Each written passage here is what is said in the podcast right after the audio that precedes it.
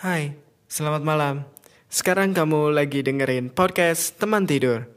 Podcast yang isinya monolog dari Hizvi yang semoga bisa nemenin kamu menuju lelap di malam hari. Selamat mendengarkan.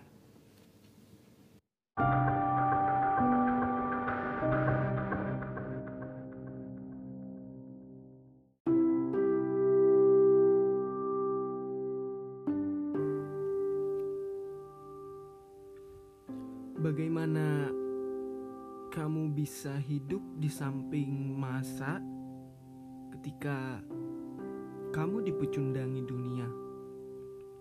Bahaya bukan? Aku merah bukan marah. Benar-benar bang saat ini kisah. Di persimpangan ada benturan benar-benar bangsat itu saran. Aku menujumu dibisiki suara dari selatan. Aku juga berani karena saran suara Tuhan.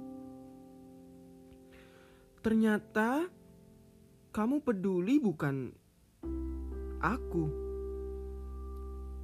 Nyata kamu tatap bukan mau. Uh,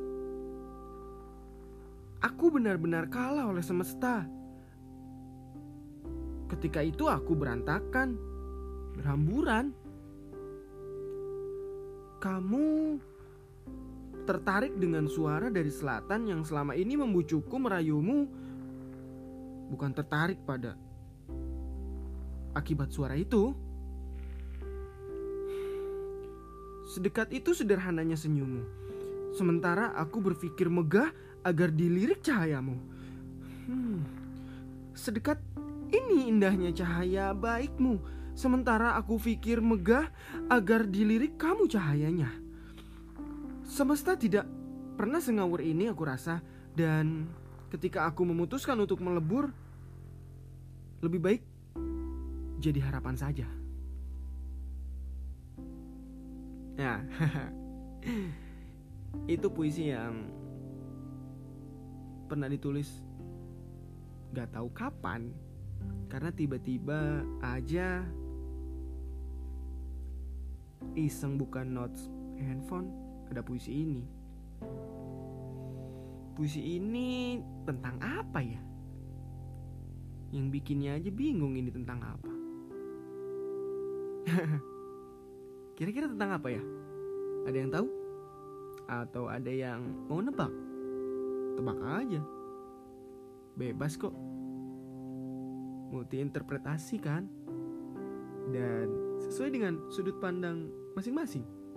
Sesuai dengan modal perspektif masing-masing dan rasa apa yang sedang dominan ketika kamu dengar podcast ini.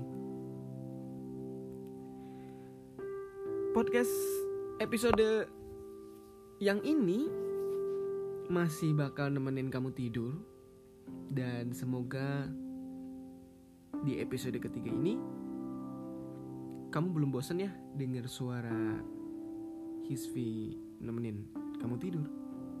Ya, walaupun mungkin ada yang denger ini lagi nyetir atau ada juga yang denger ini lagi ngerjain tugas. Ada juga yang dengerin ini lagi hmm, kerja mungkin. Ya, apa pun itu. Semoga ini bisa jadi teman main kamu.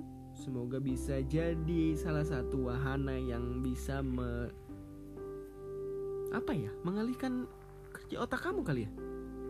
Ya, kan kalau otak itu kalau dikasih mainan kita bisa lebih fokus bukan? Ingat gak sih kalau dulu kita oh mungkin kalau ada yang pernah bimbel di salah satu bimbel yang memutarkan musik klasik supaya otaknya bisa fokus lebih fokus belajar gara-gara otak kanan dikasih mainan ya. Bisa jadi podcast ini juga mengantarmu ke menuju lelap dengan ya metode yang sama lah. Eh tapi beda sih kayaknya. Apa pun itu. Dan Yuk kita mulai refleksi diri sebelum tidur. Hmm. Banyak hal yang jadi pengalaman itu jadi pelajaran yang paling paling paling bisa mengajarkan. Makanya nggak salah ada peribahasa pengalaman adalah guru yang paling berharga, guru yang paling apa ya? Yang paling berharga. Kenapa sih? Karena dengan berpengalamanlah kita punya perspektif baru. Karena dengan berpengalamanlah kita punya sudut pandang baru. Tanpa pengalaman, mungkin kita tidak akan bisa berhasil untuk berempati ketika kita melibatkan perasaan kita dalam pemecahan masalah. Ibarat hard disk, pengalaman itu suatu database yang berisi perspektif. Ya, lagi-lagi perspektif, lagi-lagi sudut pandang. Pengalaman adalah satuan file dokumen dari perspektif mungkin ya. Kalau Microsoft Word kan itu ininya apa? Domain apa? Bukan domain apa ya? Ujung filenya itu namanya kan Word kan? Terus kalau PDF titik PDF. Kalau filenya Corel Draw titik CDR. Kalau Illustrator A titik AI ya gitu gitulah. Nah mungkin kalau perspektif itu berupa file, kayaknya format filenya itu di ujungnya adalah pengalaman deh, titik pengalaman kali ya. Sadar gak sih kalau kita menuju eh kalau kita berhadapan dengan suatu permasalahan, otak kita itu akan dirangsang untuk memikirkan penyelesaian masalahnya dan perasaan kita akan dirangsang untuk membuka file perasaan atau file empati mana yang harus dibuka. Apakah perspektif A, B, C, D sesuai dengan kondisi yang kita inginkan atau berdasarkan dengan ego kita saja file mana yang harus dibuka. Sepertinya perlu banyak berlatih ya untuk untuk untuk bisa menempatkan dan tahu seperti halnya file di komputer kita dan file di ponsel kita kali ya.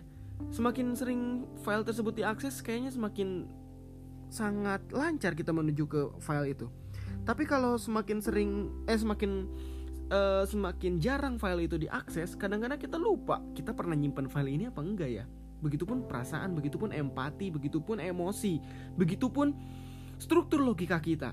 Ketika makin dilatih, ketika makin dirangsang, ketika makin dipancing, kita akan lebih tahu dan kita akan lebih mahir untuk menempatkan di mana diri kita, kapan kita harus menjadi siapa, dan harus bagaimana perasaan kita menyikapi suatu permasalahan yang akan menuntun bagaimana struktur logika kita memecahkan suatu masalah itu.